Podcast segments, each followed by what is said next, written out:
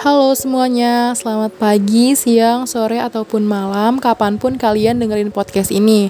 Perkenalkan, nama aku Adelia, panggil aja Adel, dan di sini aku ingin membagikan sedikit cerita atau topik tentang lembaga legislatif negara atau biasa kita kenal dengan DPR. Nah, judul yang pengen banget aku angkat ini adalah selain dipanggil KPK dan di demo mahasiswa, tugas DPR ngapain aja sih?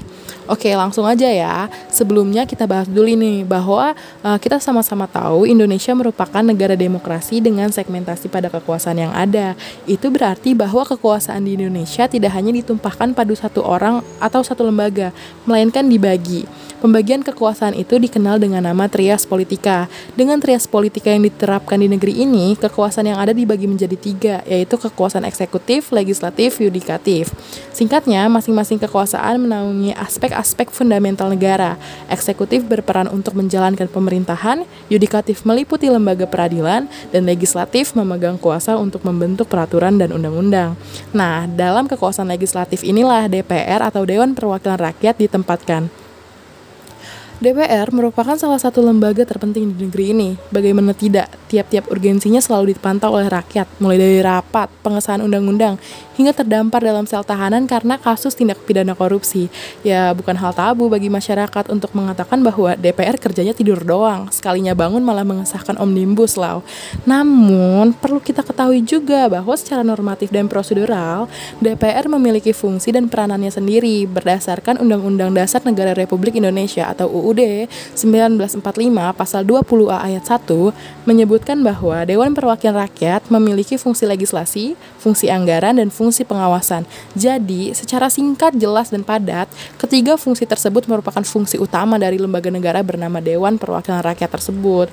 Nah, penjelasan lebih lanjutnya nih, tiap-tiap fungsi yang ada, baik fungsi legislasi, fungsi anggaran, dan fungsi pengawasan ini memiliki subtugasnya sendiri. Dalam fungsi legislasi, DPR memiliki tugas dan wewenang untuk menyusun program legislasi nasional atau biasa disebut prolegnas, menyusun dan membahas rancangan undang-undang, menerima RUU yang diajukan DPD, menetapkan RUU yang telah diusulkan hingga menetapkan undang-undang bersama dengan Presiden. Kemudian, dalam fungsi anggaran, DPR membahas dan memberikan persetujuan terhadap rancangan undang-undang tentang APBN yang telah diajukan oleh Presiden. Dengan begitu, DPR memiliki kepanjangan tugas berupa memperhatikan pertimbangan DPD atas RUU tentang APBN, menindaklanjuti hasil pemeriksaan atas pengelolaan dan tanggung jawab keuangan negara yang disampaikan oleh BPK, hingga memberikan persetujuan terhadap pemindah tanganan aset negara maupun terhadap perjanjian yang berdampak luas bagi kehidupan rakyat yang terjauh dengan beban keuangan negara. Lalu fungsi ketiga adalah fungsi pengawasan. Dalam hal ini, DPR melakukan pengawasan atas pelaksanaan undang-undang dan anggaran negara atau ABN. Dalam fungsi pengawasan ini pula, sebuah proses yang biasa disebut check and balance diharapkan terjadi secara rasional. Salah satu fungsi terpenting dari DPR adalah melakukan proses check and balance itu sendiri dalam terselenggaranya pemerintahan. Nah, segala sesuatu yang dilakukan oleh lembaga eksekutif sudah seharusnya terpantau dan diawasi secara benar oleh DPR sesuai dengan tugasnya. Lalu apa yang terjadi jika aktor eksekutif yang menjabat adalah tokoh yang diusung oleh partai pemenang pemilu yang anggota dan koalisinya menduduki hampir seluruhnya dari jumlah kursi yang ada di DPR? Apakah tetap ada check and balance di sana atau bagaimana proses check and balance itu bisa berjalan? Maka Jawabannya adalah iya, tetap dan harus tetap ada proses check and balance di sana. Dalam hal ini khususnya antara lembaga legislatif dan eksekutif. Indonesia adalah negara dengan sistem pemerintahan presidensial. Hal itu menyebabkan bahwa seharusnya dalam sistem negara ini tidak ada pihak pendukung atau pihak oposisi. Semua yang duduk di DPR itu sama, sama-sama mempunyai tugas untuk mengawasi jalannya pemerintahan, yang berarti semuanya juga harus turun dan ikut serta melakukan proses pengawasan, serta melakukan penyeimbangan terhadap kekuasaan yang ada dan kekuasaan yang sedang dijalankan oleh tiap aktor di posisinya dan dalam peranannya masing-masing.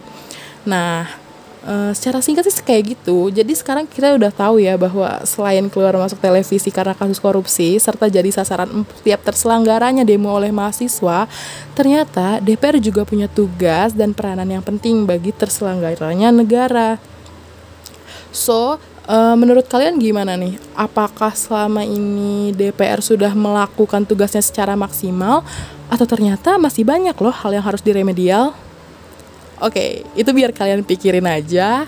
Uh, mungkin ini aja sih yang bisa aku sampaikan. Kurangnya mohon maaf. Sampai jumpa di podcast-podcast selanjutnya. Bye bye.